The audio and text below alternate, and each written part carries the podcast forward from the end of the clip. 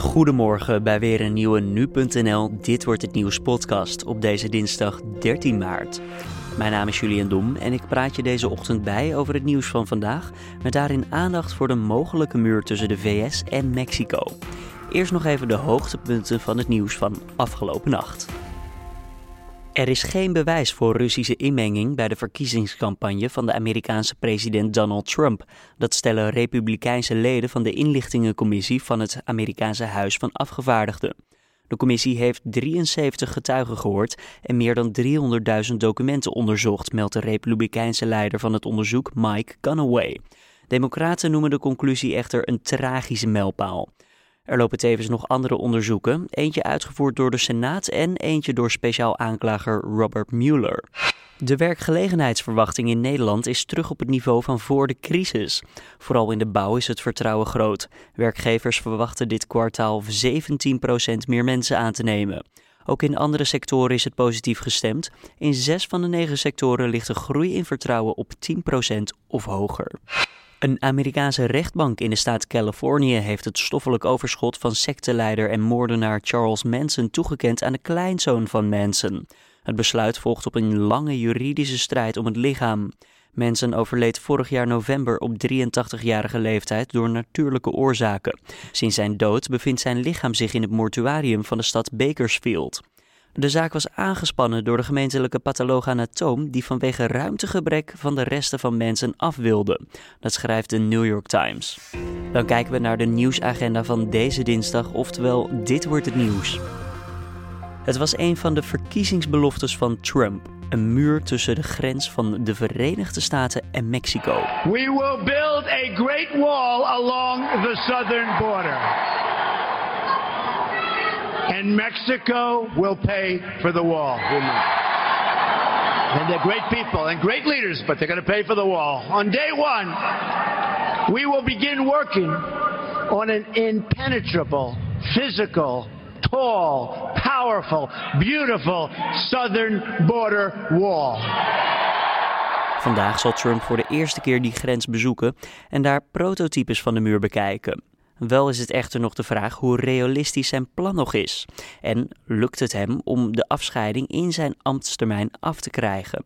Die vragen stelden wij aan onze nu.nl-correspondent in Amerika, Jeroen Kraan. Ja, dat is een ingewikkelde vraag. Eh, de status van Trumps muur is dat die er eh, niet is nog. Uh, en de kansen dat hij er ooit echt in zijn geheel komt zijn ook redelijk beperkt. Maar goed, er, wordt wel, eh, er worden wel enige voorbereidingen getroffen, zoals het maken van prototypes voor hoe zo'n muur er dan uit zou moeten zien. Uh, ja, en die zijn nu uh, ergens gebouwd in Californië en Trump gaat daar dus op bezoek. Ja, want iedereen dacht op het begin het is te bizar om waar te zijn. Alleen kunnen we nu een realistisch plan verwachten? Of kunnen we dit ook een realistisch plan noemen? Nou ja, kijk, als er genoeg geld voor is, dan uh, is het, ja, alles is mogelijk natuurlijk. Het is politiek gezien uh, niet een realistisch plan, want er is gewoon onder de Democraten helemaal geen steun voor. En ook onder de Republikeinen zijn er toch wel veel mensen die, ja, vooral met de kosten, een, de geraamde kosten van naar schatting 18 miljard dollar, toch wel wat problemen hebben. Dus politiek gezien is het niet super realistisch. Het is wel belangrijk om te realiseren dat er uh, er is al een muur of een hek op, op best wel grote delen van de grens met Mexico. Dus het is niet alsof het onrealistisch is om überhaupt ergens stukken muur of hek of wat dan ook neer te zetten. Maar echt een, een muur die over de hele grens gaat, dat is wel ja, een, een beetje vergezocht. Ja, nou ja, jij hebt het over kosten inderdaad. De kosten die uh, misschien het Amerikaanse overheidssysteem niet wil dekken. Uh, dat was ook niet de bedoeling van Donald Trump. Uh, zijn doelstelling was om het Mexico zelf te laten betalen. Hoe zit het daarmee op dit moment?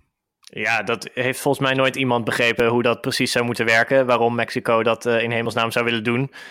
Ik, ja, er, is ook wel een beetje de vraag hoe Trump dat precies bedoelt. Hè? We're making Mexico pay for it. betekent dat echt dat ze die 18 miljard dollar moeten aftikken? Of betekent het meer dat ze dat Trump zijn handelsstrategie bijvoorbeeld op zo'n manier reorganiseert? Uh, dat, dat er meer opbrengsten komen uit de handel met Mexico of zo. En dat daar de muur uit wordt betaald. Ik bedoel, je kan het op allerlei manieren interpreteren. Maar het is zeker niet zo dat de Mexicaanse overheid hiervoor de rekening gaat betalen. Nee, want ja, weet je, ik vind het heel vreemd, want je kijkt natuurlijk naar een muur over de gehele grens bij Mexico uh, neerzetten. Dat is echt een hele flinke klus als het hem lukt. Hij heeft natuurlijk vier jaar zijn eerste termijn en als het hem lukt ook nog een extra vier jaar, acht jaar, kan hij totaal president zijn.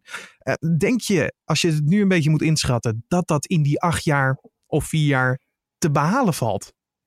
Nou, ik ben geen expert in uh, uh, werken met beton en zo, maar uh, geen idee. dat is natuurlijk ook gewoon een kwestie van geld, hoeveel je er tegenaan gooit. maar wat eigenlijk belangrijker is, is dat Trump nog, nou laten we zeggen, zes maanden de tijd heeft om dit geld hiervoor veilig te stellen. En dan zijn de tussentijdse verkiezingen in november.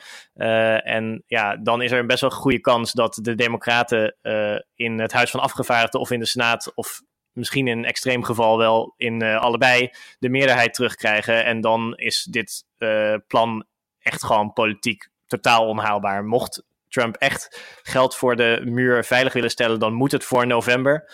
Want daarna uh, ja, is het gewoon echt zeer onwaarschijnlijk dat dat ooit nog gaat lukken. Ja, en daarbij, als het hem dus wel uh, na een aantal jaar wel lukt, de kans is natuurlijk ook dat de volgende president zijn opvolger, misschien van een andere partij of van de Republikeinse partij, zegt van joh, dat ding moet weg. Dat is natuurlijk ook gewoon een kans. Ja, hoewel als je eenmaal zo'n muur staat, denk ik dat het ook wel echt heel veel geld kost om hem weer weg te halen. Dus dan zou ik me kunnen voorstellen dat hij dan wel blijft staan. Maar goed, ik denk nogmaals niet dat het, dat het zover zal komen. Ja, het, het is altijd iets geweest wat Trump heeft gezegd. Hè, we moeten die muur bouwen. Wat, wat iets is wat, wat supergoed aansloeg bij zijn, uh, zijn basis, zijn, zijn meest fanatieke uh, supporters. Maar uh, ja, ik weet niet in hoeverre Trump zelf ooit heeft gedacht dat het echt een haalbaar, uitvoerbaar plan was. Jeroen Kraan hoorde je vanuit de Verenigde Staten. In de strafzaak die draait om de vergismoord op Jordi Latumahina worden strafeisen tegen de verdachte verwacht vandaag. De 31-jarige Amsterdammer werd in 2016 doodgeschoten. Uit onderzoek van de recherche bleek dat de kogels niet voor Latumahina bedoeld waren, maar voor een crimineel die in dezelfde flat woonde en in hetzelfde model auto reed. De Britse premier Theresa May wil dat de Russische ambassadeur in het Verenigd Koninkrijk tekst en uitleg komt geven over de vergiftiging van oud-dubbelspion Sergei Skripal en zijn dochter. De deadline die ze daarvoor heeft gesteld verstrijkt vandaag. En in de achtste finale van de Champions League staan vanavond twee returns op het programma. Manchester United speelt zonder de geblesseerde Nederlander Daley Blind thuis tegen Sevilla.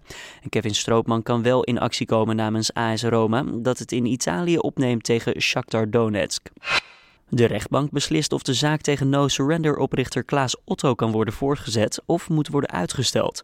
Volgens de advocaat van Otto is er door een psychiater een vorm van posttraumatische stressstoornis geconstateerd en kan Otto de zittingen daardoor niet bijwonen. De 21-jarige man die dit weekend werd aangehouden in Amersfoort omdat hij een agenten zou hebben geprobeerd te wurgen, wordt vandaag voortgeleid. Hij wordt verdacht van poging tot doodslag. De mishandelde agenten heeft onder meer een zware hersenschudding opgelopen. Beelden van het incident zijn te zien op nu.nl. Dan het mediaoverzicht van deze dinsdag 13 maart. Steeds minder Nederlanders gingen de afgelopen jaren op vakantie naar Turkije, schrijft het AD. Dat kwam mede door enkele aanslagen in het land en een mislukte staatsgreep. In januari nam het aantal boekingen echter weer toe. Dat meldt reisorganisatiebranche ANVR. Dat gebeurde met maar liefst 90% ten opzichte van vorig jaar.